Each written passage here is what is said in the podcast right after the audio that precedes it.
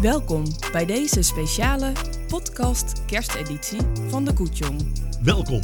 Kerst en geluk die horen bij elkaar. En dus hebben we zeven items voor u in deze speciale editie. Wieke Heikoop komt met de kerst aan tafel. Karel van Koppen komt met het onmogelijke voor de tweede kerstdag. Jeroen Wijngaard, onze hoofdredacteur, doet een boekje open. Joanne Bredero is hier vanwege haar fijne columns. Wim Timmermans luisterde naar de laatste gemeenteraad van dit jaar. Dirk Brouwers ging op pad voor de kerstreportages. En Erik Burgers is op weg naar de tweet van het jaar. Ik ben Jan de Geus en ik neem u snel mee in deze kersteditie.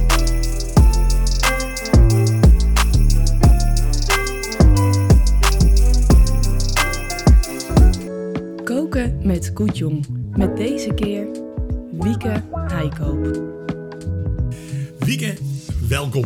Dank je. Leuk. Het is trouwens een tijd geleden dat ik jou gezien heb. Ja, inderdaad. Ja, druk leven alom. Wij zagen elkaar eerder uh, wekelijks. Ja. Soms meerdere keren per week. Ja, nu jaarlijks bijna. Ja, ja dat is inderdaad lang geleden. Ja. Ja. Eh, ik zie je natuurlijk wel regelmatig op, op eh, Twitter en dat soort zaken. Dat is meer eigenlijk iets voor Erik, maar bedoel, daar zie ik het wel regelmatig. En ik zie je bij de Koken met uh, Koetjong Club. Ja. Hoe ben je daarbij gekomen? Nou, er is een keer een draadje geweest op Twitter en dat, dat, dat begon naar aanleiding van een foto ehm, van Peter, meen ik, die iets had gepost en dat het zo jammer was dat Twitter geen geur had. En daar werd dan onder gereageerd door de usual suspects ook, hè, de, de locals, de lokale koks, van oh, het ziet er goed uit en lekker. En, en volgens mij heeft Pieter van de Keur toen geroepen dat we een lokaal, een, een, ja, een lokaal kookboek zouden moeten uitbrengen of zoiets. En dat is een beetje een eigen leven gaan leiden. En een paar dagen later hadden we een, uh, een appgroepje en um, heeft Peter contact gelegd met Jeroen dacht ik. Of Jeroen met Peter, dat weet ik niet meer precies. Maar dat, dat er een, een rubriek in de Koetjong zou kunnen komen. Mhm. Koken met Koetjong. Ja. En daar zit, uh, ja, zit erin, een mannetje of 10, 15. Ja, het is een aardige club. Dus ik kan de komende uitzendingen kan ik gewoon vrolijk daarmee doorgaan. Ja, ja. En ik kook ook graag. En uh, nou ja, zodoende ben ik daar toen bij beland. Ja. Nou, kook jij ook regelmatig voor grote groepen? Wij hebben dan samen ook nog een keer voor een grote groep gekookt. Ja, dat is ook wel leuk. was ook heel leuk. Maar ik zie ook regelmatig uh, uh, heel veel schalen, pannen, potten en, en, en, dingen klaarmaken. Wat, wat is je favoriet daarin om te maken voor vrienden? Um, ik vind het heel leuk om... Nou, ik heb onlangs een keer heel uitgebreid Italiaans gekookt voor, uh, nou, voor Erik en, en, en Ria en Anne en Ron. En mijn eigen gezin natuurlijk. Italiaans vind ik een hele leuke keuken om, om te koken. En ik ook, waar ik ook wel uh, bij vrienden onbekend sta, is de wiekentafel. Dat is een rijsttafel, dus allerlei Oosterse gerechten. Daar hou ik me niet echt heel strikt aan of wel Chinees of Vietnamees of zo. Daar kwak ik alles een beetje door elkaar. Wat mm -hmm. ik lekker vind, dat maak ik. Ja. Um, en dat, dat, ja, dat vind ik heel leuk om te doen, inderdaad. Uh, uitgebreid en dan zo, ja, zo gevarieerd mogelijk. Dus met, met vlees en met, uh, met diverse soorten vlees en met vis en met groenten en vegetarisch. En, ja. Ook nog veganistisch? Daar heb ik me nog niet aangewaagd tot op heden. Tenminste, niet uh, bewust veganistisch. Ik zal misschien best wel eens een keer wat gemaakt hebben dat dan veganistisch is. Maar niet, uh, nee, nog niet als bewuste, bewuste keuze. Nou, je hebt een, een, een, een heel boeiend, uh, knap, groot gezin, zal ik dan maar zeggen. ja. en daar kook jij dagelijks voor? Ja. Zo, dat is ja. mooi ouderwets. Dat is dan het enige ouderwetse bij jullie thuis? Dit, ja, nou bijna wel, ja. Ik ben ook de enige die het echt leuk vindt. Ja. Um, de mannen zijn niet zo denderend goed in het, uh, in het keukenwerk. Niels is ietsje beter nog dan Peter. Peter die, uh, overigens een andere Peter, voordat we daar allemaal ja, uh, vraagtekens bij krijgen. Die is, uh, nee, die, die, die zijn niet zulke helden in de keuken. Nee, maar ik vind het ook echt leuk. Het is ook mijn uh, ontspanningsmomentje van de dag. Ik Ja. ga, dan, uh, ga dan naar beneden en ik, heel vaak ben ik aldoende een luisterboek aan het luisteren of, of, of iets van muziek. En um, ja, ik kan dan lekker bedenken wat ga ik maken. En ik heb altijd een ruim gevulde vriezer ook, dus ik kan ook altijd de plekken nog improviseren. Ja. En uh, ja, en ik kook echt van alles. Ik kook uh, gewoon hele simpele ouderwetse stampotten tot en met uh, ja, sterrenrecepten soms, als ik Mhm. heel veel zin heb en tijd. Dus ja. Dit is de kersteditie van de Koetsong podcast. Mhm. Wat betekent kerst bij jou in de keuken? Nou, ik vind het dus inderdaad heel leuk om heel uitgebreid te koken. Um, het liefst voor een grote groep. Dan met kerst ook. Vind ik echt leuk om uit te pakken. Uh, om, om echt heel uitgebreid uh, ja, 10, 12, 15 gerechten op tafel te zetten. Dat heb ik sinds een aantal jaar uh, probeer ik dat wel jaarlijks te doen. Eh, daarvoor was het vaak lastig, dan lag ik echt met kerst uitgeteld op de bank, want dan had ik Service Request achter de rug. Hè. Dat was Ja. ik altijd een week bij het Glazen Huis en eh, stond ik eh, nou, 70, 80 uur in de week eh, vrijwilligerswerk te doen. Deze keer niet, hè? Nee, ik, ik zou gaan, maar ja. Maar ehm, nou ja, dan lag ik echt met kerst uitgeteld op de bank en dan was het vaak iets simpels.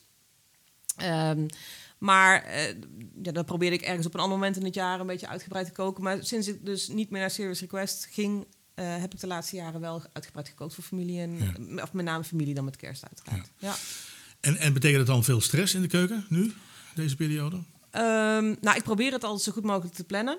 Ik, ik ehm, maak van tevoren dan ook echt wel, als ik zo uitgebreid kook, een menu. En ga ik ook daarna kijken van, oké, wat heb ik nodig? En ehm, Hoe lang begin je van tevoren? Nou ja, ik ben nu een week of twee van tevoren. Ik ga nadenken over wat ga ik maken met kerst. Dan, nu een week of twee geleden, dus drie weken voor kerst dan. Ehm, en dan ga ik nadenken, wat, ga ik dit, wat is mijn hoofdthema of hoofdgerecht of hoofdgang? En soms moet je daar van tevoren best wel al dingen voor bestellen of zo. Of eh, is niet heel, eh, heel gangbaar. Of het vlees moet wat langer liggen. Of nou ja, wat dan ook. Ik had nu eh, een gans besteld bij, eh, bij Hans van den Burg.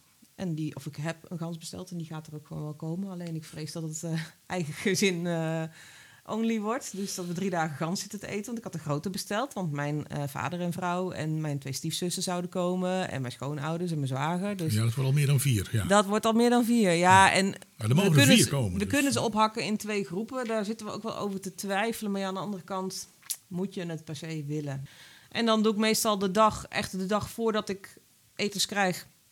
Dan eh, ben ik bezig met voorbereiden, dingen snijden alvast of marineren. Eh, sommige dingen kun je natuurlijk al een dag van tevoren bereiden en in de Ja. koelkast laten staan. Ehm, wel, wel vaak, wel, wordt bij ons wel vaak geholpen dat ik dan ook aan de mannen vraag van joh, help even mee met aardappels Toch wel, schillen. hè? Of Ja. ja, dat soort dingen wel. Dat delegeer ik wel. dat soort dingen delegeer ik wel graag. Ehm, ja, dus dan, dan helpen ze op die manier wel mee. Maar als het daadwerkelijke koken, dan moet ik ook echt niemand in de keuken hebben. Heel vaak vragen mensen dan ook: zal ik je helpen? Nee, weg. Je helpt me het beste door uit de buurt te blijven. Oké. Ja, nee, ik kook het liefst alleen. Ja, nee, ik heb heel- altijd heel graag iemand die alles loopt eh, te snijden en te doen en op te ruimen. Vervolgens weer wat ik met. Ja, oké, dat, dat misschien. Maar dat is weer wat anders dan daadwerkelijk koken. Iemand die ineens in je Nee, pannen gaat nee, staan roeren. Of, Nee. of die ineens zich gaat bemoeien met overtijden of wat dan ook. Nee, ik heb het in mijn hoofd. Of ik heb een schemaatje en nou ja, Ja. wegwezen. Oké. Goed, het menu is bekend bij jou in je hoofd. Dat hoef je nog niet te verklappen, want dat hoeft nog niemand te horen voor de rest. Maar stel je eens voor, er zijn genoeg mensen die hebben geen inspiratie. Die zitten hier nou naar te luisteren. Die denken van nou, het is nog niet helemaal manjare, maar toch hè, kan iemand mij hier iets, een, idee geven of een inspiratie geven. En ik vraag aan jou, Wieke. Wat zou je die mensen aanraden die dus nu in de spanning zitten? Dus het moet ook niet al te ingewikkeld zijn. Heb je een tip daarvoor? Ik bedoel, je hoeft niet een recept te geven, maar heb je een tip? Denk daar aan of doe zoiets. Nou, ik vind bijvoorbeeld de Allerhande app. Of, of de Al- Albert Heijn app en dan de, het Allerhande gedeelte. Het wat reclame door de eten. Ja, sorry, reclamecodecommissie. Die, eh, nou ja, goed. Maar ik vind dus de, de, ja, daarin de Allerhande heel fijn. Eh, dus niet alleen het boekje op papier, maar ook de app. Want je kunt dus sorteren op, ehm, nou ja, ook op kerstmenu's of op kersteten, zeg maar, kerstgerechten. En dan is natuurlijk de vraag van, ja, moet het met kerst altijd wild zijn? Of, eh, hè? Aan de andere kant is het wel leuk, dat vind ik het leuke van deze tijd van het jaar, dat er echt andere dingen in de winkels liggen. Ja. En eh, dus ik, ik heb ook wel dingen die ik echt insla nu en dan een jaar probeer op voorraad te houden omdat die alleen maar in deze tijd eh, eh, te koop zijn. Wat Stoofperen bijvoorbeeld. Ja, om maar iets te noemen. En, en van, dat, van dat perenrood bijvoorbeeld, Ja. inderdaad, wat je zegt. Ja, goeie. Dus ja, nee, het hoeft niet per se kerst te zijn. Je kan ook prima lekker, als je daarvan houdt, stampottenbuffet maken met kerst. Waarom niet? Ja, nou, dat Het hoeft niet uitgebreid, maar het, eh, weet je, een leuke aangeklede tafel of, of wat met, wat, met wat meer aandacht eten dan normaal is al feestelijk. Ja, niet de pan op tafel. Niet de pan op tafel, maar mooie schaal, mooi gedekte tafel, servetje erbij, kaarsje erbij, Ja. eh, een glaasje wijn of, of, of niet, maar mooi gla mooie glazen en eh, nou ja, dat soort dingen. Ja. Oké. En, en waar verheug je nou het meest op als je nou kijkt naar die kerstdiners? Wat is het dan? Ehm, ja, ik vind het heel leuk om, om mensen eh, in de watten te leggen.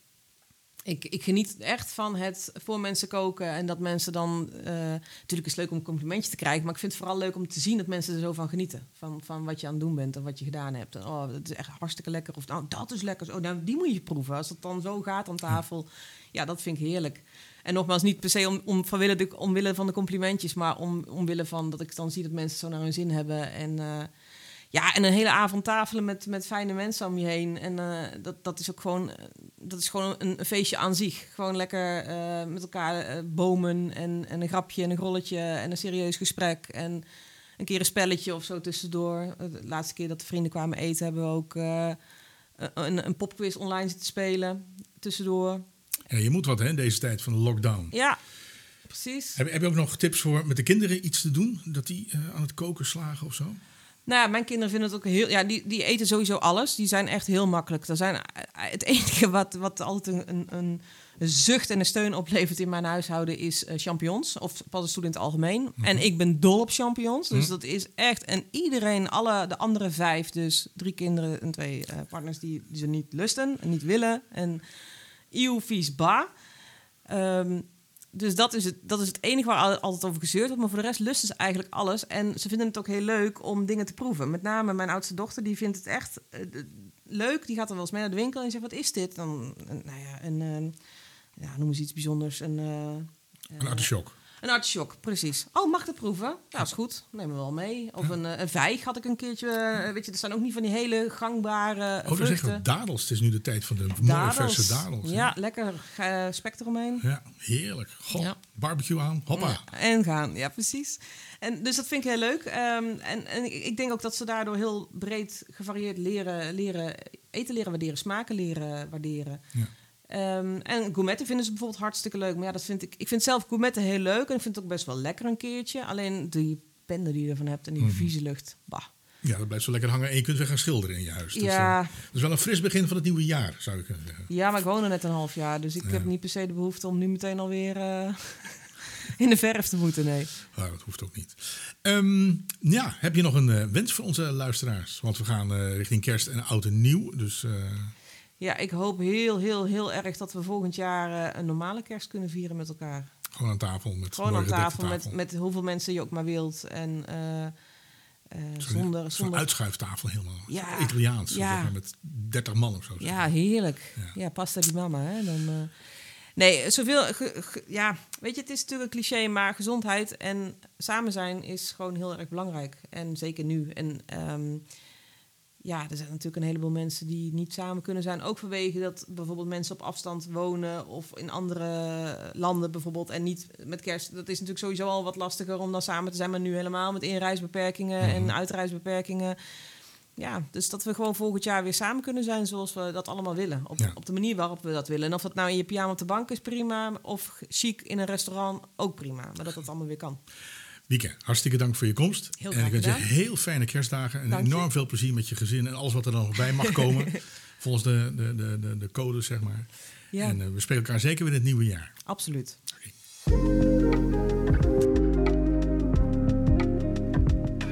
Erop uit in de Lingenregio door Karel van Koppen.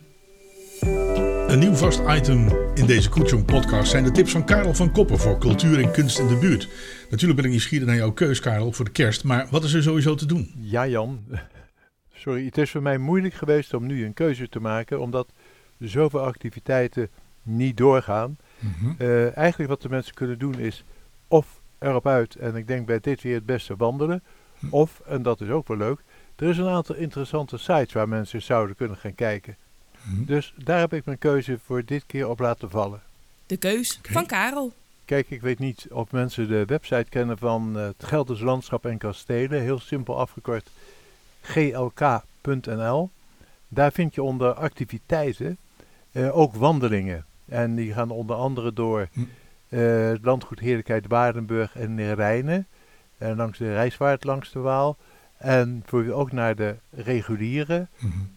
Dat is nog uh, in uh, best beter, maar je kan ook doorgaan naar Culemborg bijvoorbeeld en de Gooiberdingen Waarden. Uh, dat zijn leuke dingen om te wandelen. Dan hebben we natuurlijk de Nieuwe Hollandse Waterlinie. Die is dit jaar toegevoegd aan de lijst van UNESCO Werelderfgoed.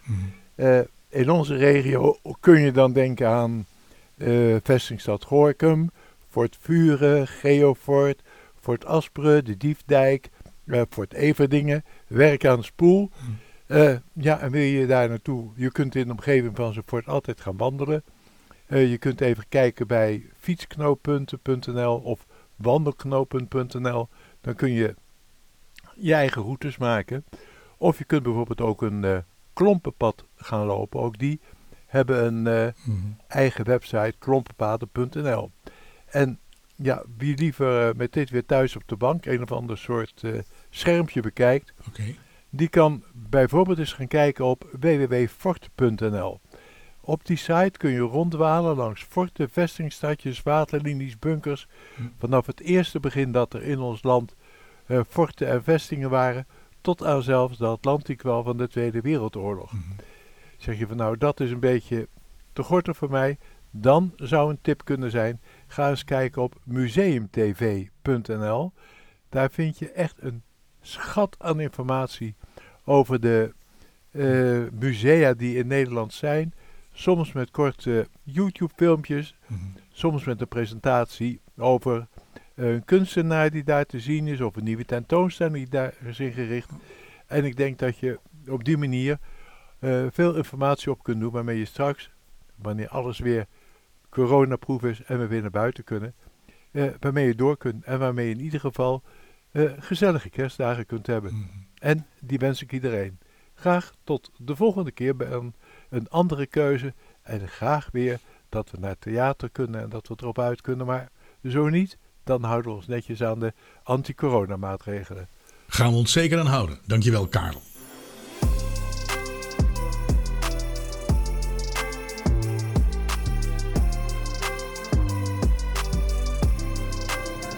En we gaan snel door met. De geschiedenis van de Koetjong.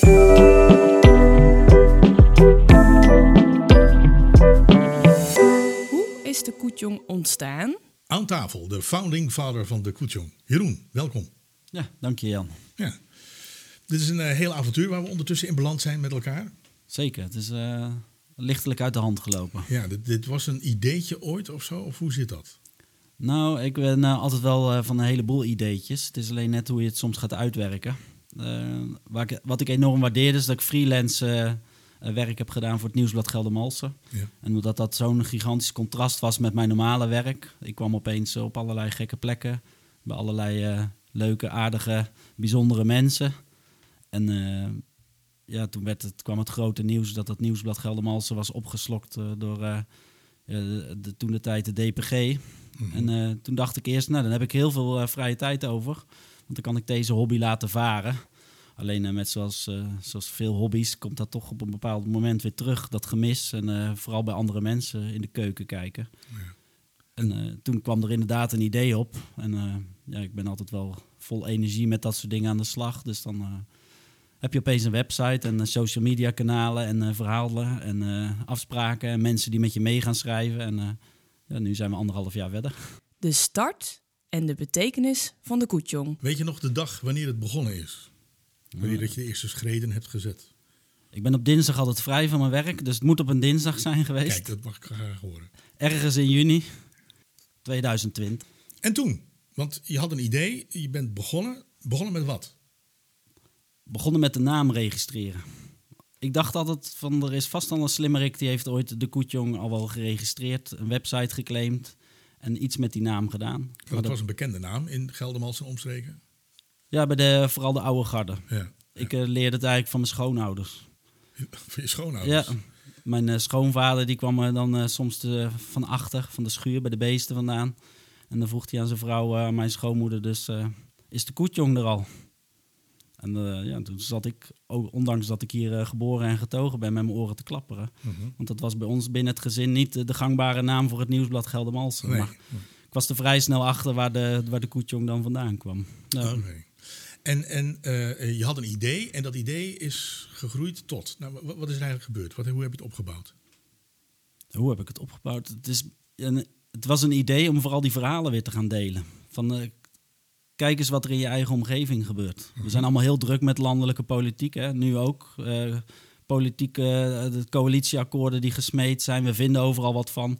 Corona natuurlijk. Alleen mijn eye-opener toen de tijd voor het Nieuwsblad Geldermalsen was van een straat verderop. Van waar jij woont of waar jij werkt. Daar gebeuren al hele aparte dingen.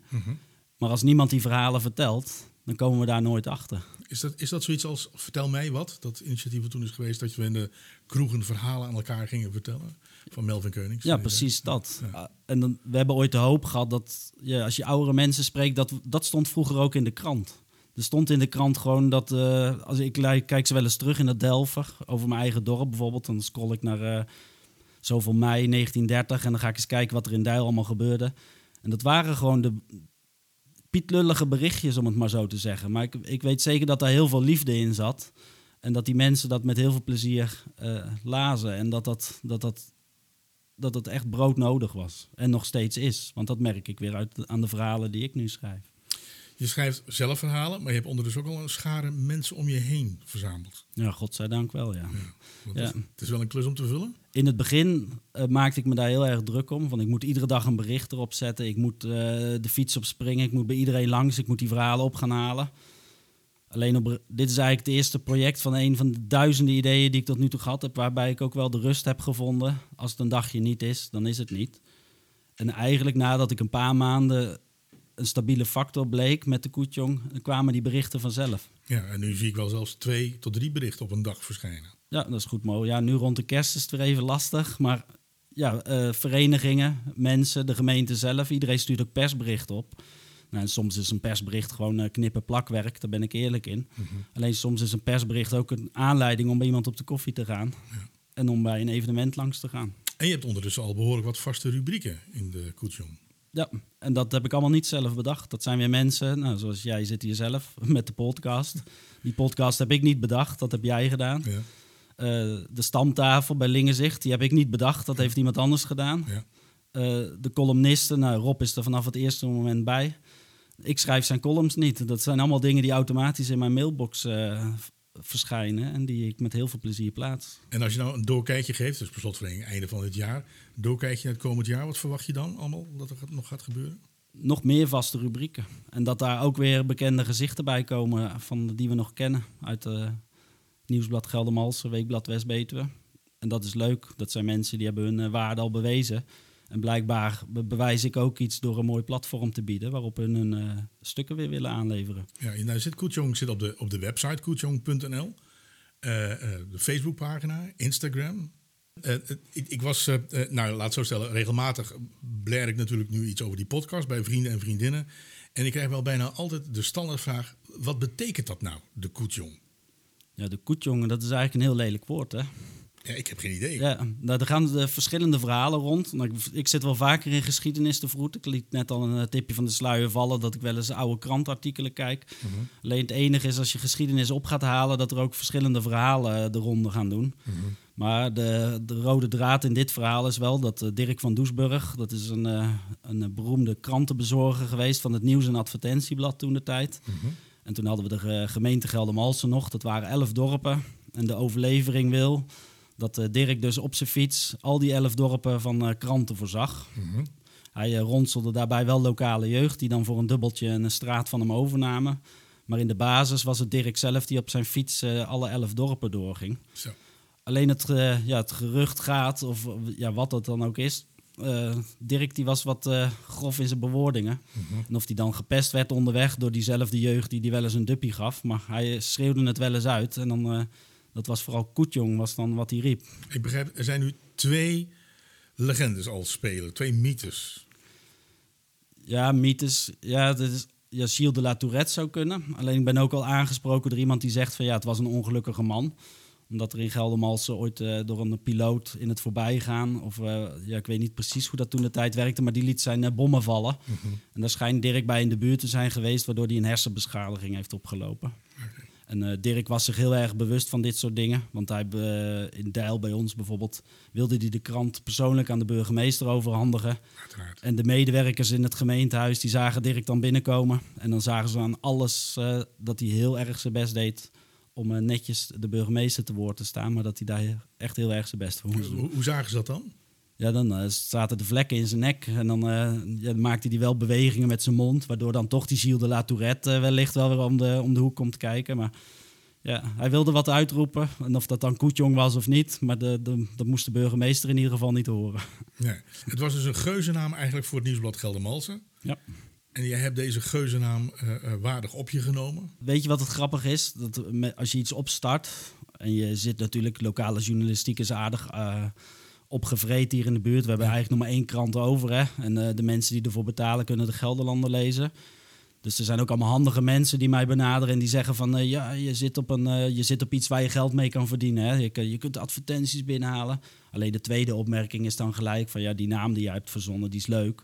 Maar dat is marketingtechnisch niet handig. Maar dat is voor mij eigenlijk alleen maar een aanmoediging om er vooral mee door te gaan. Want ik ja. vind juist dat brutale wel leuk. En, en, voor West-Betuwe is het toch iets heel eigens. En West-Betuwe was driftig op zoek naar een eigenheid, zeg maar. Ja.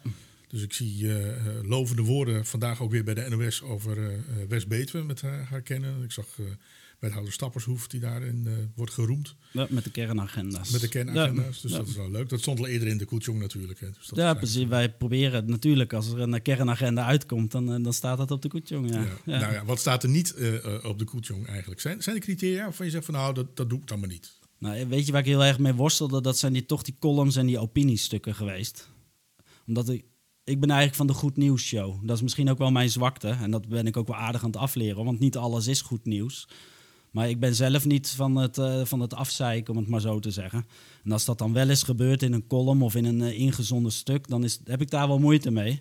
Maar ik heb altijd vanaf het begin gezegd dat ik eigenlijk alles zou plaatsen. Eventueel met een disclaimer erbij. Dus criteria heb ik niet.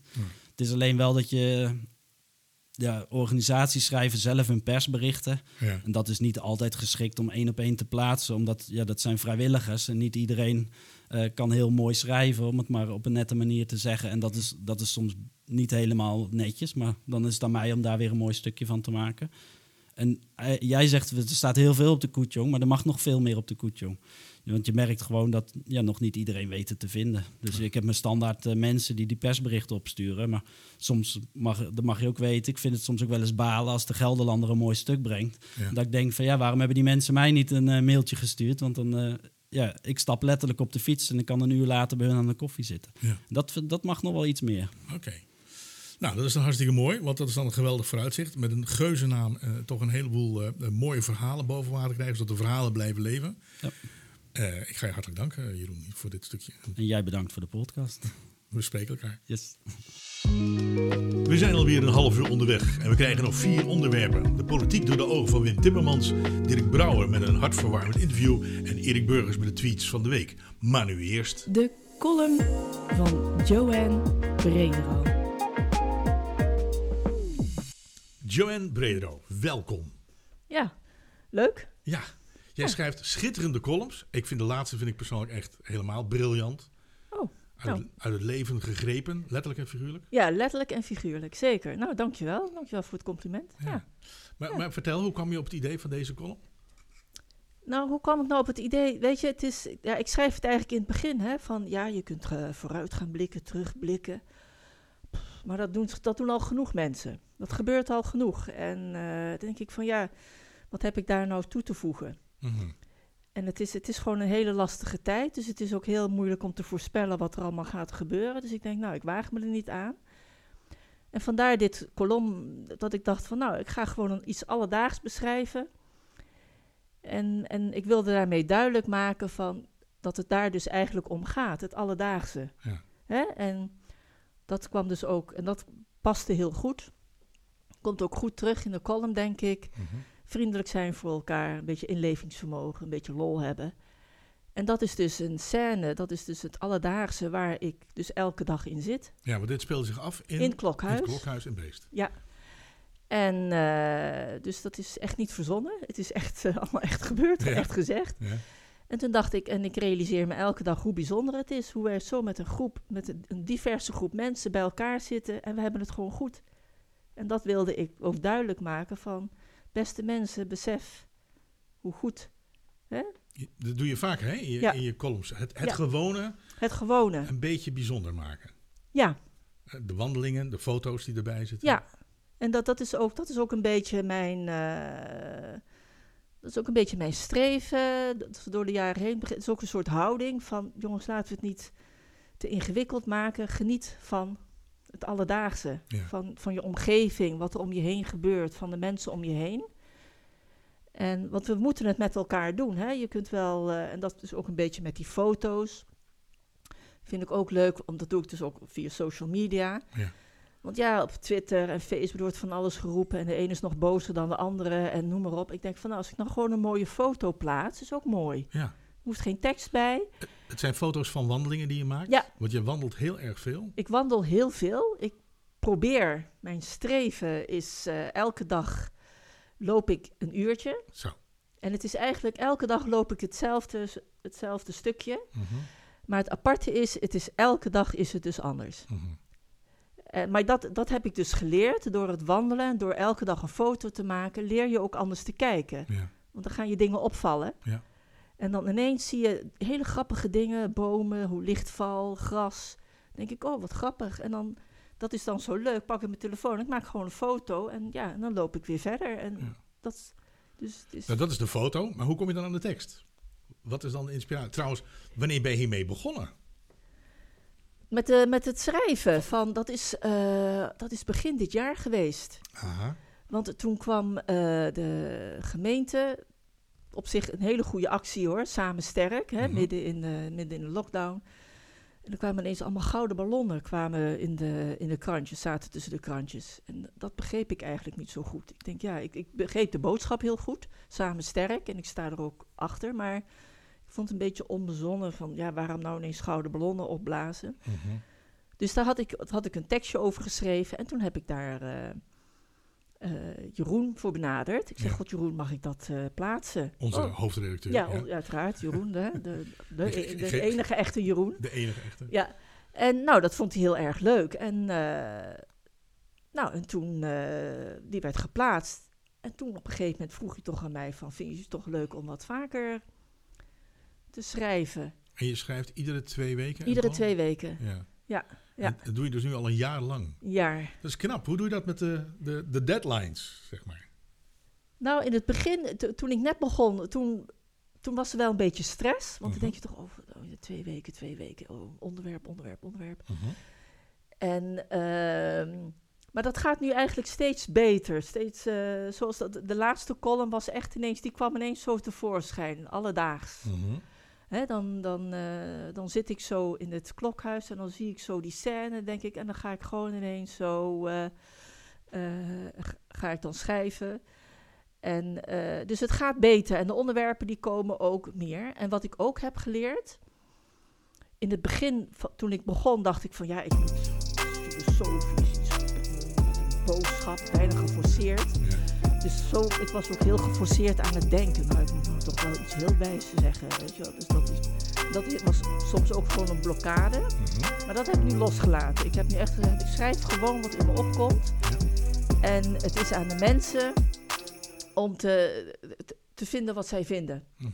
En iedereen mag het op een andere manier lezen, een andere betekenis, dat is aan hun. Ja. Dus dat, dat heb ik losgelaten en dat maakt het voor mij een stuk eenvoudiger. Ik heb gewoon losgelaten. Ik zeg, ik schrijf wat in me opkomt.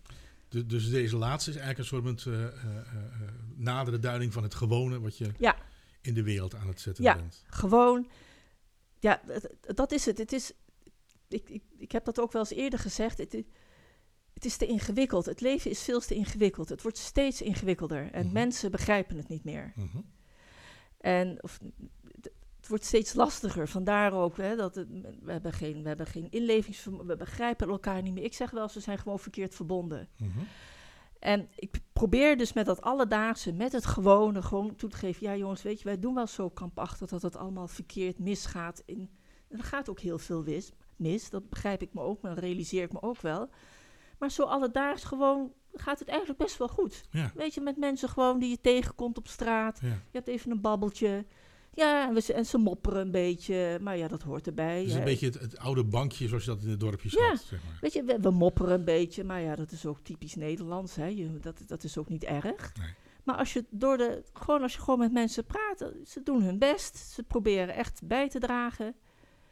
En dat, dat alledaagse, dat, dat zie- lees je in het nieuws niet, dat lees je op social media niet, et cetera. Dus dat probeer ik nu gewoon van, ja, En we hebben elkaar nodig. Ik weet dat je het ook entameert in, in het klokhuis. Daar komen we een volgende keer op terug over het klokhuis en beest. Want dat, is, dat heeft wel iets magisch.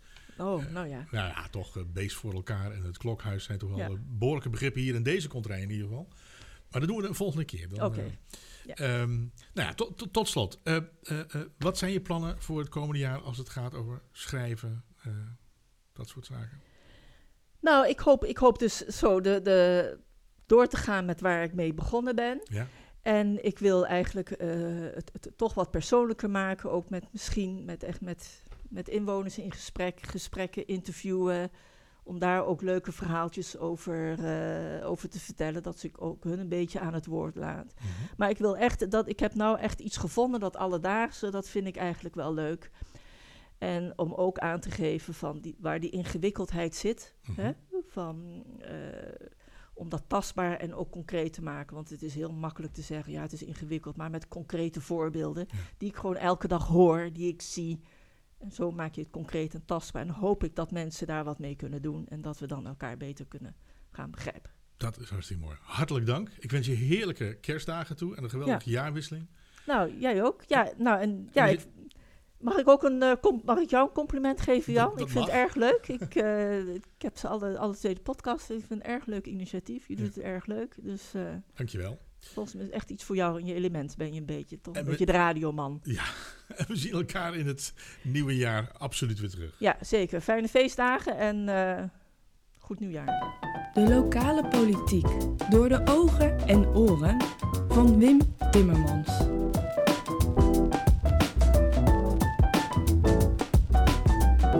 Wim, welkom terug aan tafel. En we zitten aan het eind van het jaar, dus dat schreeuwt om een terugblik op het afgelopen jaar. Waar gaan we het allemaal over hebben? Ja, we gaan eh, terugkijken en, en voor een deel gaat het over de, de vorm, de manier van vergaderen, het, zeg maar, het hele gebeuren zoals je dat ziet. En voor een deel gaan we het over de inhoud hebben en een aantal onderwerpen die, eh, die, die mij opgevallen zijn. En er is ook een aantal onderwerpen waarvan het mij opgevallen is dat er niet over gesproken is, terwijl je dat eigenlijk wel verwacht had. Mhm. Oké, nou laten we nou eerst maar eens eh, gaan naar de, naar de vorm. Hoe zag het eruit? Ik bedoel, corona-proof. Ja, nou, Wat viel op? Geweldig zag het eruit. Ik heb eh, uren zitten kijken naar een scherm met eh, allemaal vierkantjes met hoofden erin. Ja. En ja, met, soms hadden ze braaf een microfoon uit. En eh, soms ook als ze aan het woord waren, dat werkte dan niet. En soms hadden ze een microfoon aan en dan zag je iemand zijn zoon binnenkomen die, eh, die iets met Chinees eten wou. Of je zag eh, iemand anders die zat in zijn neus te peuteren, was vergeten zijn haar te kammen. Eh, sommige mensen hebben dan een standaard achtergrond, is een beetje saai, maar het is ook wel handig als je af en toe die rotzooi bij, eh, bij sommige andere mensen ziet, of dat zolderkamertje. Misschien een beetje mediatraining. Eh, aan de andere kant is het ook wel leuk om, eh, om ook weer de mensen achter eh, de politicus op die manier even te zien. Maar het ziet er niet altijd florissant uit. Nee, maar het zijn natuurlijk wel de lokale volksvertegenwoordigers. Het is niet gelikt met Hilversum trainingen in de rug. Mm, Nee, nee, dus dat moeten ze misschien ook helemaal niet doen. Maar Sommige mensen waren je... trouwens ook niet amper in beeld. Hè? Ik, ik zag van een van hen zie je zo net de achterkant en één stukje oor zo. Dan. Ja, je hebt ook van die flashlights in het disco soms. Als iemand precies op een bepaalde afstand zit, dan zie je de hele tijd aan, uit, aan, uit, aan, uit. En dan denk ik, ik weet niet wat je wil of wat je zit te seinen, maar eh, ja, Ja. Dat, dat zie je ook. En ik weet dat de Griffie haar stinkende best heeft gedaan. Dus daar ligt het absoluut niet aan. Iedere keer krijgen ze bij de uitnodiging de opmerkingen. Let op, zorg daarvoor, doe dit. Weet dat je in beeld bent. Enfin, Ja, maar als raadslid ra- luister je daar niet naar. nee, natuurlijk niet. Nou, het tweede wat, wat opviel was dat, dat die vergaderingen wel heel erg lang duren. Ik bedoel, ehm, Dit jaar zeker. ik heb wel eens, ehm, ja, soms dan, dan kan je niet en denk je, nou, ik kijk de volgende avond even terug. Maar dat kan niet, want dan zit je in de live, live in het tweede gedeelte. Ja. Dus een vergadering die eh, in principe tot half elf zou moeten duren, die, die duurt rustig tot half elf volgende dag. Wat je eigenlijk hebt als afspraak, is dat je, of wat- die raadsleden met elkaar hebben afgesproken dat ze zullen doen, is dat ze een, een, zeker een, een onderwerp wat heel erg leeft, dat ze dat in drie stappen afronden. Ja. Dat betekent dat ze eerst, een, en dat heet een beeldvormend, en dan, dan nodigen ze de mensen die het, waar het over gaat, en het kunnen inwoners zijn of bestuur van een school of wat dan ook, die nodigen ze uit om met hun van gedachten te wisselen over dat onderwerp. Van hoe, hoe, hoe denken zij erover? Wat denken mensen van hun eigen dorp bijvoorbeeld, of hun eigen, hun eigen kruispunt of hun, hun eigen school. Mhm. Ehm, en die vergadering is altijd strak om tien uur afgelopen. En dan wordt vaak ook een soort, er wordt heel veel gepraat, maar de conclusie wordt even snel afgeraffeld. En dat is heel gek, want ja, dat is toch juist het geluid vanuit de samenleving wat je als raad dan binnenkrijgt. Ja.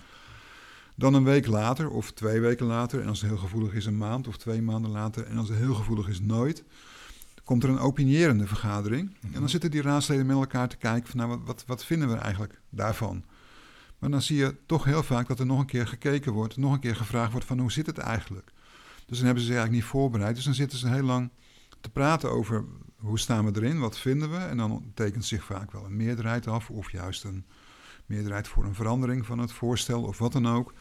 Ehm, dat is dan de tweede vergadering, maar, maar daar gaat al heel veel tijd in zitten om nog een keer die eerste vergadering over, over te doen. En dan komt de officiële, de gemeenteraad, de raadsvergadering. De grote. Het moment supreme. Daar moet dan gestemd worden. En dan zitten ze alles nog een keer over te doen. En dan zit je om eh, half twaalf of twaalf uur op je horloge te kijken van ja, ik moet morgen werken. En dat doen die raadsleden ook. Dus dan, dan dat hele systeem werkt niet. Het, het, er is te weinig tijd voor mensen om in te spreken, om mee te praten. En op het moment dat er gewoon gezegd moet worden, ik ben voor of tegen, zitten mensen daar nog een uur over te kletsen, die raadsleden met elkaar. Ja, en dan ben je dus avonden bezig. En ik denk niet dat heel veel mensen daarvoor een lol naar gaan zitten kijken. Ja, ja en het laatste, als je, als je naar, naar de vorm kijkt, is uh, van ja, wie, wie zijn nou al die raadsleden? En uh, wie, vooral wie zijn de burgerraadsleden? En dat, dat verandert razendsnel. Dus het gebeurt regelmatig dat ik zit te kijken en denk van wie is dit? En dan blijkt hij vorige week als uh, nieuw burgerraadslid geïnstalleerd te zijn. Dus dat is een lid van de partij, die ook op de lijst gestaan heeft meestal. Mhm. En die kan in die eerste twee vergaderingen, volgens mij de beeldvormende en de opinierende Ja. vergadering, kan, kunnen die meepraten. Ja. Maar daar is een enorm verloop. Ik weet niet waarom. Misschien moeten ze allemaal op tijd naar bed en hebben ze er geen zin meer in. Maar in elk geval, dat, dat gaat razendsnel. Ja. Ehm, het zou de moeite waard zijn om eens te kijken hoeveel burgerraadsleden we nou eigenlijk gehad hebben de afgelopen eh, drie jaar. Ja, en hoe we die beter zouden kunnen binden bij de lokale politiek. Ja. Goed, dat was dat. En nu de inhoud, ja. Nou, ehm, het gaat over heel veel dingen, ook over heel veel dingen niet. Ehm, een paar dingen die mij behoorlijk opgevallen zijn, is, is die relatie met de, met de regio. De gemeente werkt met, acht andere, met zeven andere gemeenten samen in regio Rivierenland. En dat is allemaal een beetje ehm, nou, prehistorisch georganiseerd, zal ik maar zeggen. Daar hebben we het vorige keer over gehad. Ja. En wat je dan ziet is dat, dat ehm, dan doet de AVRI iets waar, waar dan eh, gedoe over ontstaat. Je moet ineens met je vuilniszak ehm, drie straten eh, verder of er is gedoe over de tarieven of eh, er moet ineens een hoop geld bij, noem maar op. Want dan schiet iedereen in de stuip van ja, dat is de AVRI. Mhm. Eh, en uiteindelijk hebben die raadsleden en die wethouders dat allemaal zelf gedaan. Ze hebben zelf het zo georganiseerd dat daar acht wethouders met elkaar kunnen bedisselen wat er gaat gebeuren. En dan is de AVRI meer een, een bliksemafleider voor raadsleden dan dat het een serieus politiek issue is. En dat is op zich heel jammer, want die AVRI doet ook heel veel ja, best nuttig werk. Ik ben altijd heel blij als ik mijn troep weer afgevoerd heb gekregen. Ja. Ja, ik kan het ook in een tuin verbranden, dat deden we vroeger, maar dat, dat is echt niet meer aan de orde. Dus die club doet heel veel goede dingen, maar het is bestuurlijk zo georganiseerd dat ze overal de schuld van krijgen wanneer het fout gaat. Ja. Eh, nou, dat heb je een aantal keren gezien ehm, afgelopen jaar. En, en, en een ander moment waarop die regio een beetje een rare rol speelde, dat was natuurlijk Waardenburg, de, de A2-verbreding. Ja. Dan zie je ineens dat, dat die regio, die maakt een inspraakreactie. Nou, voor wat een inspraakreactie waard is, maar goed. En dat gaat dan vooral over ehm, ja, of de bereikbaarheid wel goed is en of er wel ehm, genoeg economie kan. En dan punt 10 gaat nog even over de leefbaarheid in Waardenburg. En dan gaat de gemeente, eh, of de, de raad, die maakt zich sterk, terecht. Mhm. Van jongens, het gaat om leefbaarheid, maar dan haakt die regio af. Want die hebben eigenlijk met elkaar besloten, en daar zaten ook weer diezelfde raadsleden en wethouders bij. Van wij hebben drie prioriteiten in deze regio. Dat is de economie, dat is de agrologistiek en dat is de logistiek en eh, logistiek distributie. En, en nog een klein beetje recreatie en toerisme, maar daar hebben we geen, geen geld voor over. Dus die regio die heeft zoiets van, nou, vanuit die prioriteiten reageren we. En daar zit dus geen leefbaarheid bij. Nee. hebben ze nooit gedaan. En dan moet eh, ja, het toch vanuit de kern komen dat daar tegen geprotesteerd wordt. En uiteindelijk gaat die raad wel mee. En dan gaan we weer met elkaar een beetje mopperen op die regio. Mhm. Maar we hebben dat zelf als raadsleden, hebben ze dat allemaal besloten om vooral te kijken naar de economie en niet naar leefbaarheid. Nou, dat, dat soort dingen komt elke keer terug. In die regio gebeuren dingen, die hebben we eerst zelf besloten, daar zijn we niet mee eens. En vervolgens gaan we tegen die regio tekeer, terwijl we het zelf hebben laten liggen als raad. Nou, en dan is de overstap naar, naar het lokale gemaakt. Dat, dat was een bruggetje, die stortte net in. Dat geluid hoorde je waarschijnlijk. Ehm, je ziet dan dat, dat ehm, in dit geval met name uh, Leefbaar uh, West-Betuwe... dat enorm aanhangig heeft gemaakt van... we moeten in Waardenburg die, die, die, duurzaam, of die, die leefbaarheid op de agenda zien te krijgen. Mhm. Ze doen het ook op heel veel andere plekken. Kijk maar naar Hellau, daar, daar is dan de discussie over die rotonde geweest. Die is nu nou, bijna afgerond, tenminste Ja. dat hopen we dan. Uh, maar je ziet dat dat soort issues, waarin gewoon uh, bovenregionale ontwikkelingen er zijn, hè, de, de snelweg of, of de, de, de, AVRI, noem maar op. Daar komt dat lokale belang wel eens in het, in het gedrang. En dan, komt, dan, dan gaan mensen daartegen in opstand komen en dan komt het op de agenda en dan komt het in de raad. Ehm, en een pedant daarvan is ook, ehm, dat is dan de, de, de, niet zozeer de reactieve kant, maar een poging om die dorpen wat meer te vertellen te geven. Dat zijn de dorpsplannen die we nu langzamerhand eh overal zien komen. Ja.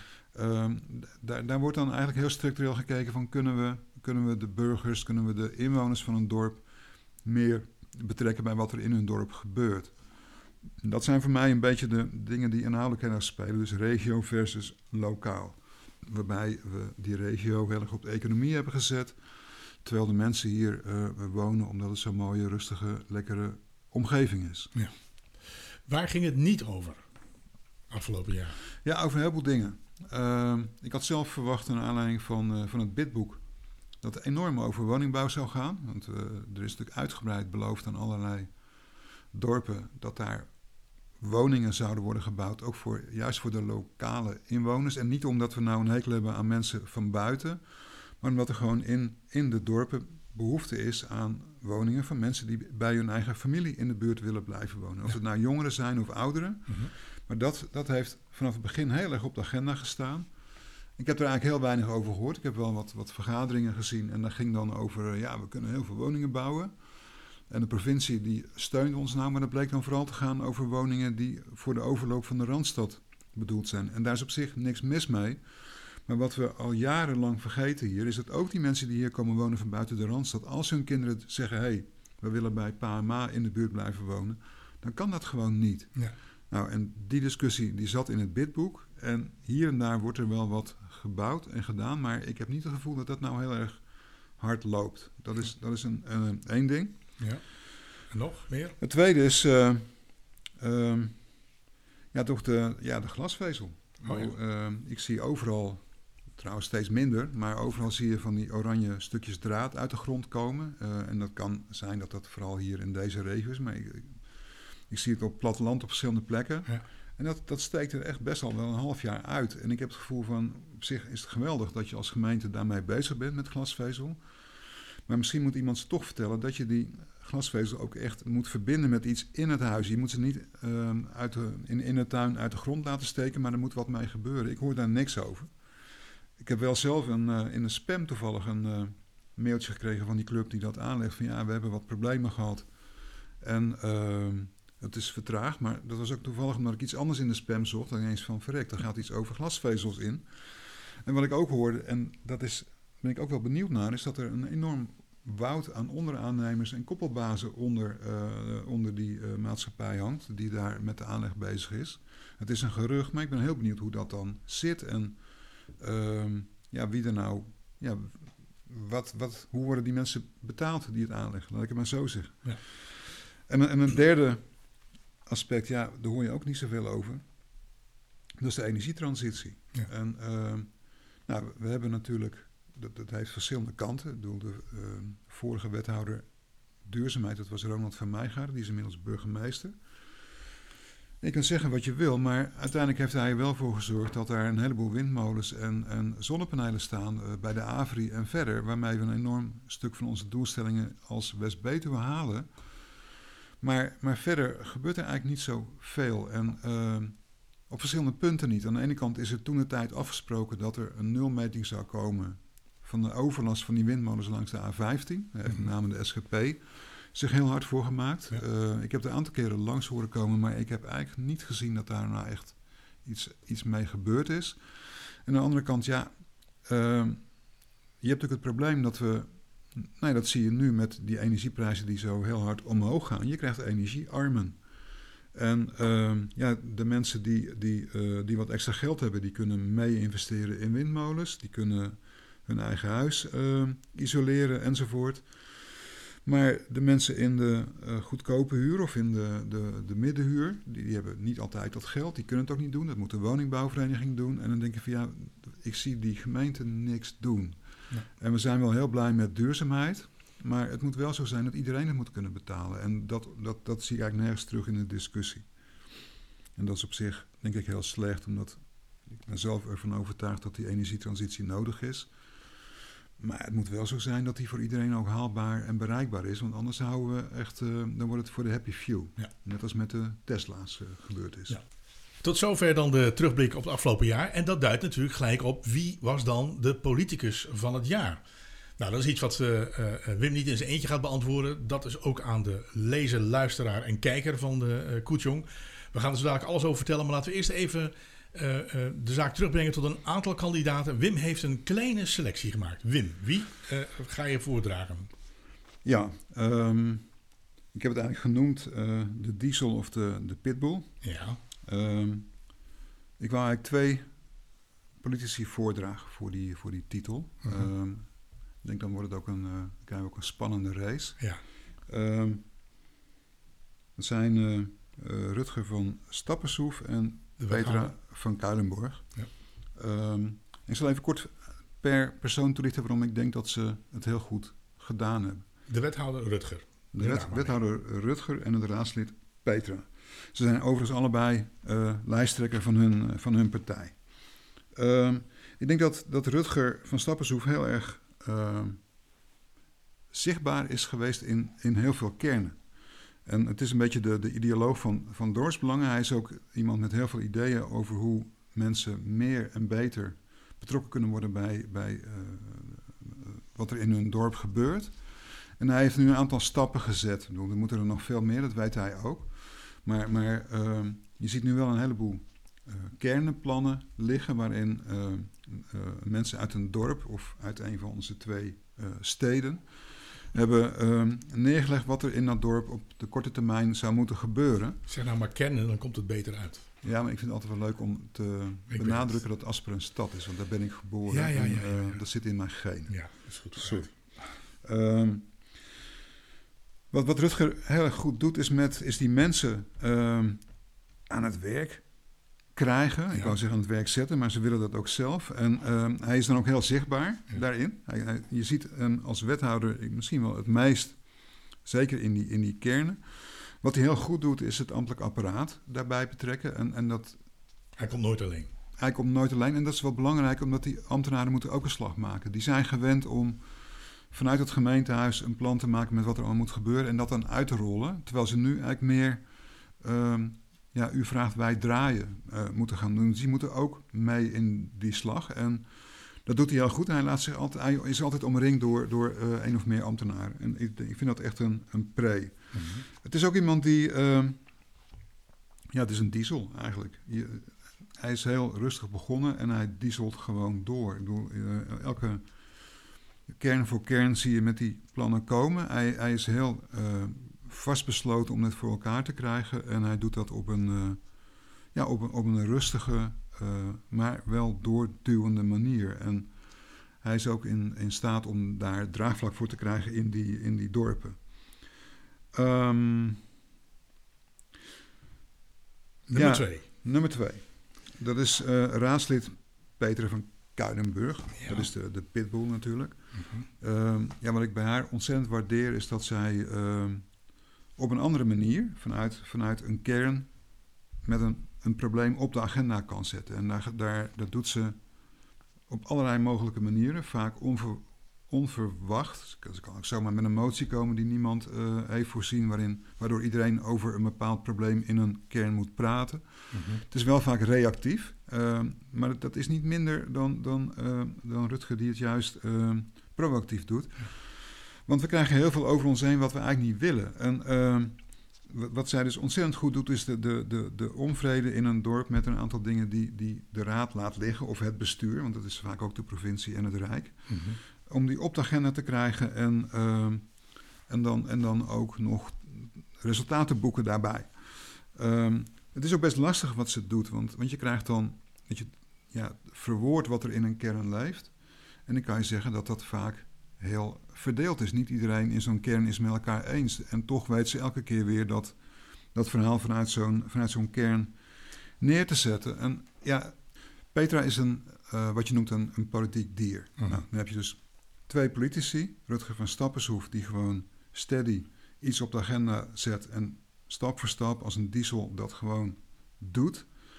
En Peter van Kuilenburg, het politieke dier die met een geweldig gevoel voor timing de onvrede kanaliseert om iets voor elkaar te krijgen in die gemeenteraad. Het zijn twee tegenovergestelde persoonlijkheden, Ja. maar ik vind ze allebei ehm, heel intrigerend en ik vind allebei dat ze heel goed bezig zijn en ook toch wel heel erg de, de teneur hebben gezet het afgelopen jaar. En daarmee, luisteraar, ben jij aan zet. Jij bepaalt. Op de website koetsjong.nl, op Twitter, Facebook en Instagram maken we duidelijk hoe jij kunt stemmen op één van de twee kandidaten.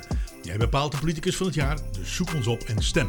In het nieuwe jaar reiken we de Koetjong-bokaal uit aan de winnaar. En daarmee hebben we tevens een waardige opvolger van wat ooit door de mannen van Nieuwsblad Geldermals en de Gelderlander Louis van Oort en Walter Post is begonnen. Zoek ons op en stem. De Koetjongbokaal. Op pad met Dirk. Ja, de kerst komt eraan hè. En eh, Stichting Help Elkaar, die hebben daar handig op ingespeeld door bij Albert Heijn ja, goederen te verzamelen voor de minima in Geldermalsen en omstreken. Hallo, goedemorgen. Ja, wij hebben daar eh, bij eh, Albert Heijn van Doorn hebben we mogen inzamelen. En daar hebben we zulke mooie reacties op gekregen. En zo ontzettend veel eh, boodschappen gekregen.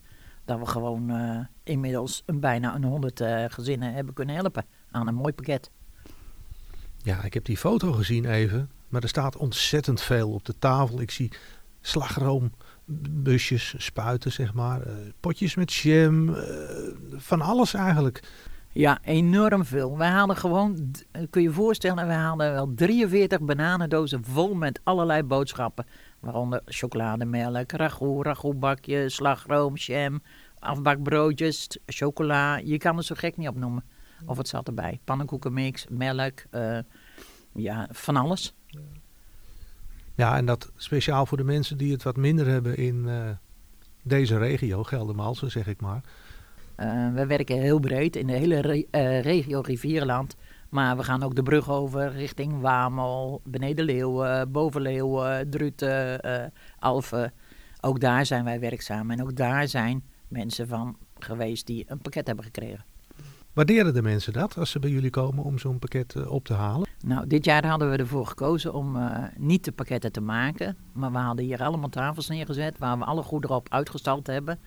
Alles bij elkaar natuurlijk, soort bij soort. En met dat de mensen hier binnenkwamen met het idee van... Ja, we weten niet precies wat we komen doen, maar ik geloof dat we een kerstpakketje krijgen. Ehm, ja, kregen de mensen een big shopper in hun handen. Moesten ze wel eerst even handen ontsmetten natuurlijk. En een mondkapje voor. En zijn ze begeleid door een van onze vrijwilligers. En is er geshopt met de mensen geshopt. Eh, wij noemen het shoppen, maar er wordt hier natuurlijk niks betaald. Ehm, de mensen mochten, we liepen met de mensen langs de tafel. En van alle artikelen die we hadden, hebben de mensen een artikel gekregen. En bij grotere gezinnen natuurlijk twee. Ja, mensen waren helemaal overrompeld. Eh, mensen stonden met tranen in de ogen. Eh, er waren mensen die spontaan begonnen te huilen of die ons in één keer om de nek vlogen. Eh, dat soort reacties. Mensen waren echt helemaal overweldigend. Ja, want jullie werken eh, ook samen met andere instanties. Zie ik hier schuldhulpverlening, eh schuldhulp maatje, team sociaal. en allerlei projecten en instanties kunnen inmiddels de inwoners van West-Betuwe doorverwijzen naar jullie, hè? Ja, en dat is nog niet eens alles. Ook van Iriszorg, eh van JP van de Band. eh, dat is ook een stichting die mensen helpt.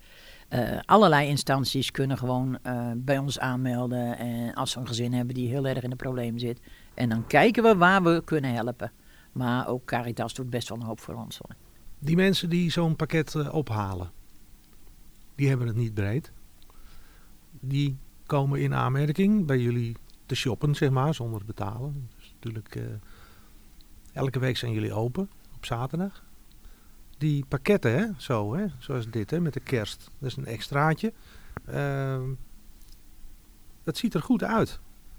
Wij hebben echt gedacht van, deze mensen zitten het hele jaar, en vooral gezinnen met kinderen, het hele jaar dat ze niet weten hoe ze rond moeten komen in de week. Normaal doen wij geen voedsel, alleen noodpakketten.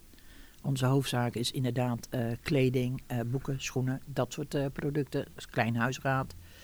En wij vinden met de feestdagen, ja, ook deze gezinnen mogen wel een leuke kerst hebben. En nu met de lockdown is het helemaal extra welkom natuurlijk bij de mensen. Dus vandaar ook dat ze een heel mooi groot pakket hebben gekregen. Ja, als de mensen hier komen, dan kunnen ze natuurlijk nog voor nog veel meer dingen inschrijven. Dan moeten ze echt inschrijven, lid zijn van de Facebookpagina die jullie hebben. Uh, hoe heet dat? Ja, wij hebben vijf Facebookpagina's lopen en dat heet allemaal Help elkaar. Alleen er staan andere woonplaatsen achter, zoals Maas en Waal, West-Betuwe, uh, Tiel, uh, Nieuwegein. En daar kunnen de mensen lid worden. En dan wordt er van de mensen heel gevraagd of ze eventjes een privébericht op Messenger aan mij sturen. Mm -hmm. Uh, wij vragen informatie aan de mensen. Uh, we hoeven natuurlijk niet exacte cijfers te zien. Alleen bij twijfel willen we dat dan wel eens uh, vragen. Maar dat gebeurt maar zelden. Ehm, wij werken wel heel erg op vertrouwen van mensen. En de mensen die doorgestuurd worden, ja, en geen Facebook hebben, die schrijven we hier in een map in. En dan kunnen de mensen die kunnen dan op Facebook, op de, wij plaatsen artikelen, foto's van artikelen. En dat zetten we dan op Facebook en dan kunnen de mensen daaronder reageren met interesse. En dan eventjes de woonplaats erbij zetten. En wij hebben in diverse woonplaatsen hebben wij ophaalpunten. En dan zorgen wij voor vervoer dat het daar naartoe gaat. Want de meeste mensen hebben geen vervoer. En als jij lopend of op de fiets vanuit uh, Wamel bijvoorbeeld naar Geldermals moet komen, ja, dat is geen doen. Nee. Dus wij zorgen dat het daar naartoe gaat. Onder elkaar regelen we het vervoer. En uh, dan kunnen de mensen het in hun eigen woonplaats ophalen. Ik zie iets van uh, apparaten. Die worden ook aangeboden hier. Uh, gourmetpannen, grillplaten. Uh, hoe, hoe werkt dat? Hoe kunnen de mensen die krijgen als ze die hebben willen? Um, deze hebben op onze Facebookpagina gestaan. Mm -hmm. um, wij verzamelen het hele jaar door nieuwe apparaten, ongeacht wat het is. Of dat nou een ding is voor, uh, om te scheren, een scheerapparaat, of het is een ding om mee te koken of te bakken, of maakt niet uit wat. Nieuwe dingen bewaren wij voor de feestmaand en dat is wel echt december. En dan in november uh, beginnen we daarmee met dat te plaatsen op onze Facebookgroepen. En dat de spullen worden dan verloot. We houden op een lijstje houden wij bij wie wat krijgt. Uh, als het om apparaten gaat. En ja, dat doen we al jaren zo. En als we dan volgend jaar weer apparaten hebben, dan pakken we de lijst met verdelen de lijst van de andere jaren erbij. En dan kijken we wie heeft er al eens een cometstel gehad of, of een bakplaat. En die, die krijgt dan dat jaar niet zo'n ding. Nou, dit jaar de kerstpakketten. Is het een beetje goed ontvangen door de mensen? Ja, fantastisch. Ja, we zijn er echt uh, zelf ook een beetje beduusd van de reacties van de mensen. Uh, zo hartverwarmend. Ja, dat is heerlijk om te doen. Dit is een hele mooie afsluiting van ons jaar. En nu zijn jullie gesloten tot 8 januari. Uh, wat nu als er uh, nood aan de man is? Als er nood aan de man is, ben ik altijd nog te bereiken. En kan ik altijd nog uh, onze pand in. Nou ja, pand, ons winkeltje, tokootje. en dan kan ik altijd de mensen helpen. Nou ja, wat zal ik zeggen? goed wat jullie doen. Heel goed. En ja, de mensen ook natuurlijk die dit allemaal horen. Een fijne kerst gewenst. En uh, volgend jaar zijn jullie weer uh, helemaal tot hun beschikking. Ja, nou ja, uh, het is eigenlijk goed dat we doen. Nou, het is eigenlijk triest dat het nodig is, vinden wij. We doen dit vanuit ons hart en vanuit ons geloof. En ja, weet je, eigenlijk anno 2021, zometeen 22, hoort dit niet nodig te zijn. Maar goed, het is niet anders. En we staan er met z'n allen voor. En zonder de hulp van de winkeliers hier in de omgeving en alle mensen die ons ondersteunen, kunnen we dit ook niet doen. Fijne feestdagen. Ja, voor iedereen die ons ondersteund heeft, een hele hartelijke dankjewel. En we wensen ook iedereen hele fijne feestdagen. En mensen, blijf alsjeblieft gezond 2022. Dankjewel.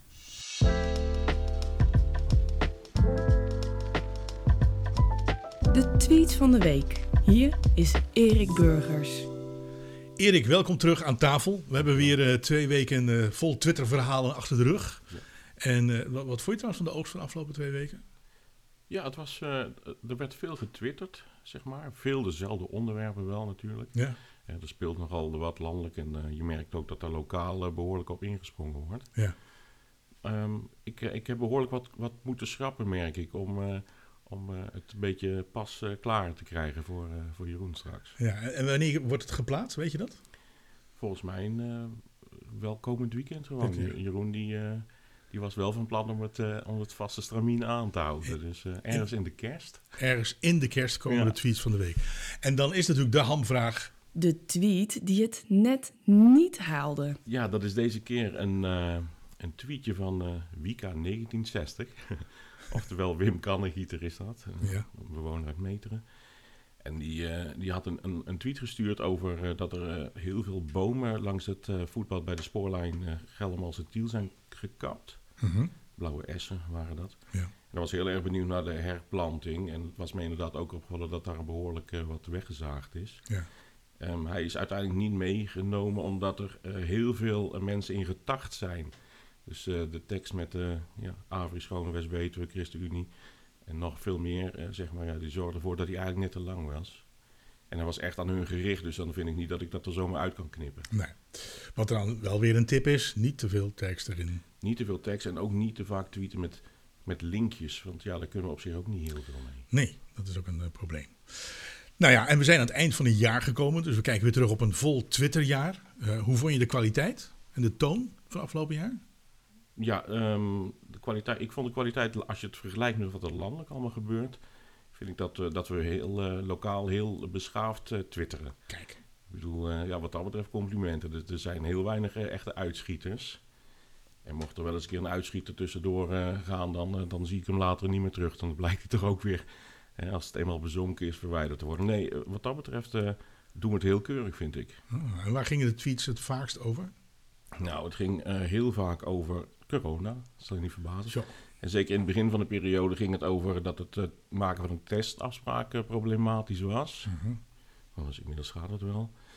Tweede was dat de winkels op zondag open moeten in West-Betuwe. Ja. Kom heel vaak voorbij. Ja. En je merkte duidelijk de deelname van uh, typisch Betuwe, zeg maar, dat tv-programma. Oké. Okay. er werd veel over getwitterd.